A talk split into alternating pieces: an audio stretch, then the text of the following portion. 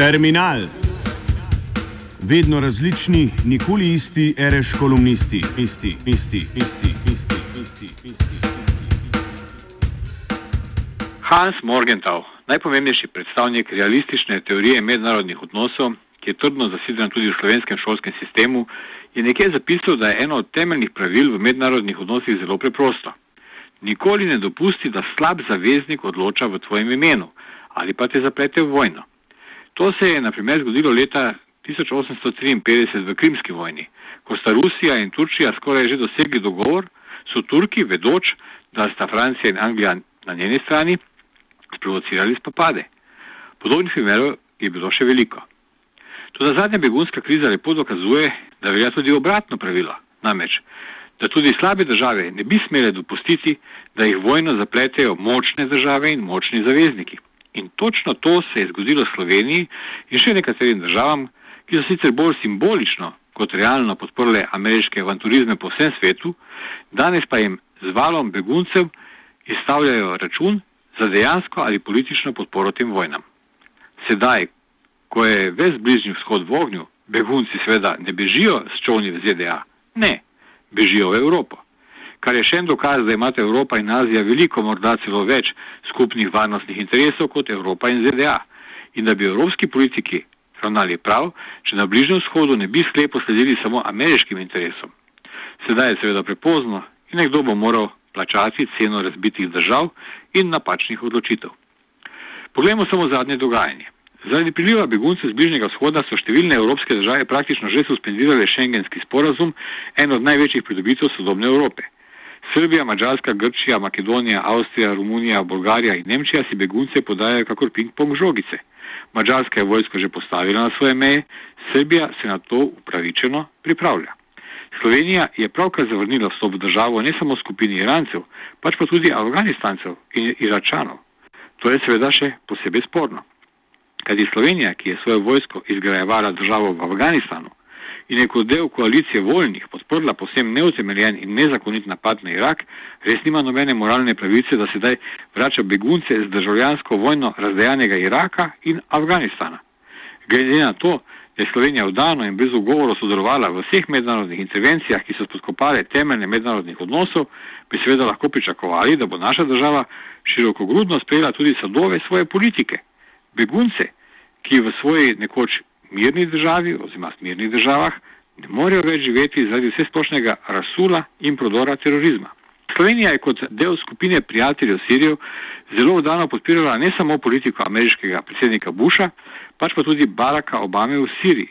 Tudi zato pa je sedaj upravičena do nujnih dividend te prijateljske politike. Ne v smislu povečane varnosti in stabilnosti, kot so nas prepričevali na državnih jaslih rejeni državni geostrategi in nekdani politiki, ala Bebler, Rupel in tako naprej, ki so se od režima do režima ter od stranke do stranke obračali kakor plašč v vetru, pač pa v obliki begunskega vala ljudi, ki bežijo pred rezultati intervencij ZDA in njenih zaveznic v zvezi NATO, ki so jih najpomembnejši slovenski poznavalci mednarodnih odnosov strajno podpirali, menda zaradi miru in stabilnosti. Ko sem pred časom v imenu uredništva Mariborske katedre napisal peticijo, peticijo za umik slovenske vojske iz Afganistana in je možnost umika slovenske vojske previdno omenil tudi predsednik slovenske vlade Borod Pahor, so bile ideje o umiku v strokovnih krogih takoj dočakane z ostrimi kritikami. Pahorjeve besede o možnem umiku so Sloveniji sprožile kritike o tem, da bi bil umik iz Afganistana huda zunanje politična napaka. Različni strokovnjaki so zagotavljali, da naj bi Slovenija s prevzemom odgovornosti za vodenje lastne skupine za mentorstvo in povezave lahko dosegla neko višjo stopnjo svojega okupacijskega razvoja, se naj bi slovenski vojaki svoje varovance že kmalo spremljali tudi v neposredne spopade z gverilci.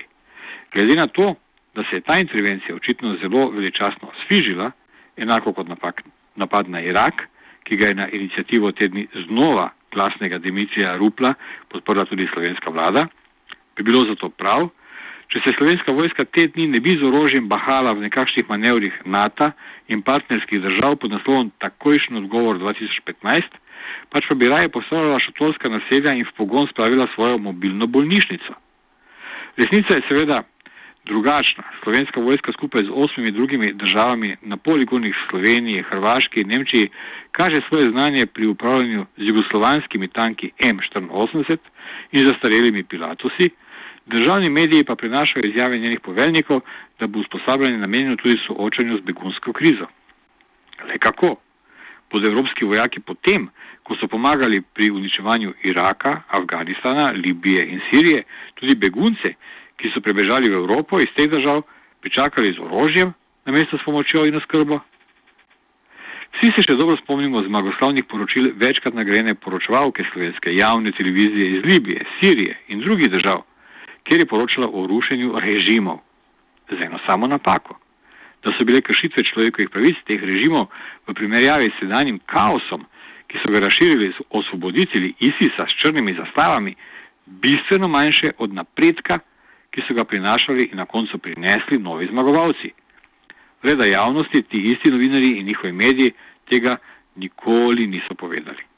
Ista poročevalka te dni znova poroča, tokrat iz Evropske in begunske fronte, ne da bi se ukvarjala z razlogi in vzroki za to, o čemer poroča. Čeprav je sedanja kriza nastala tudi zaradi takšnega, posebno nekritičnega poročanja večine svetovnih medijev. Še več, v preteklosti so bili številni mediji, vodilni mediji v Sloveniji, v skladu z željami državnih uradnikov in politikov, nagrajeni tudi z občasnimi zastojnkarskimi reportažami svojih poročevalcev na obisku pri naših fantih v Afganistanu in so dolgo leta intervencije ZDA in zaveznic prikazovali kot nujno, kot ključ napredka in modernizacije. Nekako tako, kot so svoj čas tuji kolonizatori stokali o bremenu belega človeka, ki mora razsvetevati in civilizirati kolonije po vsem svetu. Na to je ob začetku rušenja sirske vlade decembra 2012 upozoril Ibrahim Aluš z Univerze Zajtuneh v Jordaniji. E, eden od korakov v tej smeri je bilo namreč tudi diplomatsko priznanje sirske opozicije kot legitimnega predstavnika države. Po njegovi oceni poskušajo ZDA in NATO zaobiti legitimen proces odločanja, kot bi moral potekati v skladu z mednarodnim pravom. Želijo doseči spremembo oblasti v Siriji tako, kot so to dosegli v Iraku ali Libiji, s spodkopavanjem legitimne vlade in povzročanjem kaosa, razbijanja, prelivanja krvi in državljanske vojne. To bo naslednji Irak, to da regionalnih razmer, je opozoril profesor Ibrahim Aluš. Ta opozorila so bila preslišana. Sedaj pa se tisti, ki so med največjimi krivci za sedanjo tragedijo, svetu predstavljajo kot humanisti, ki jih je iskreno strah za usodo beguncev, ki to sploh ne bi bili, če ne bi evropska politična elita podprla intervencionistično politiko ZDA. Politiki so nam v pomoči osrednjih medijev dolgo leta lagali, velik del javnosti pa jim je verjel. Danes je prišel račun za te laži in čas je, da ga plačamo. V prvi vrsti pa bi ga morali z odhodom svojih položajev plačati tisti, ki so nas privedli v ta kaos. Terminal je pripravil Igor Mekina.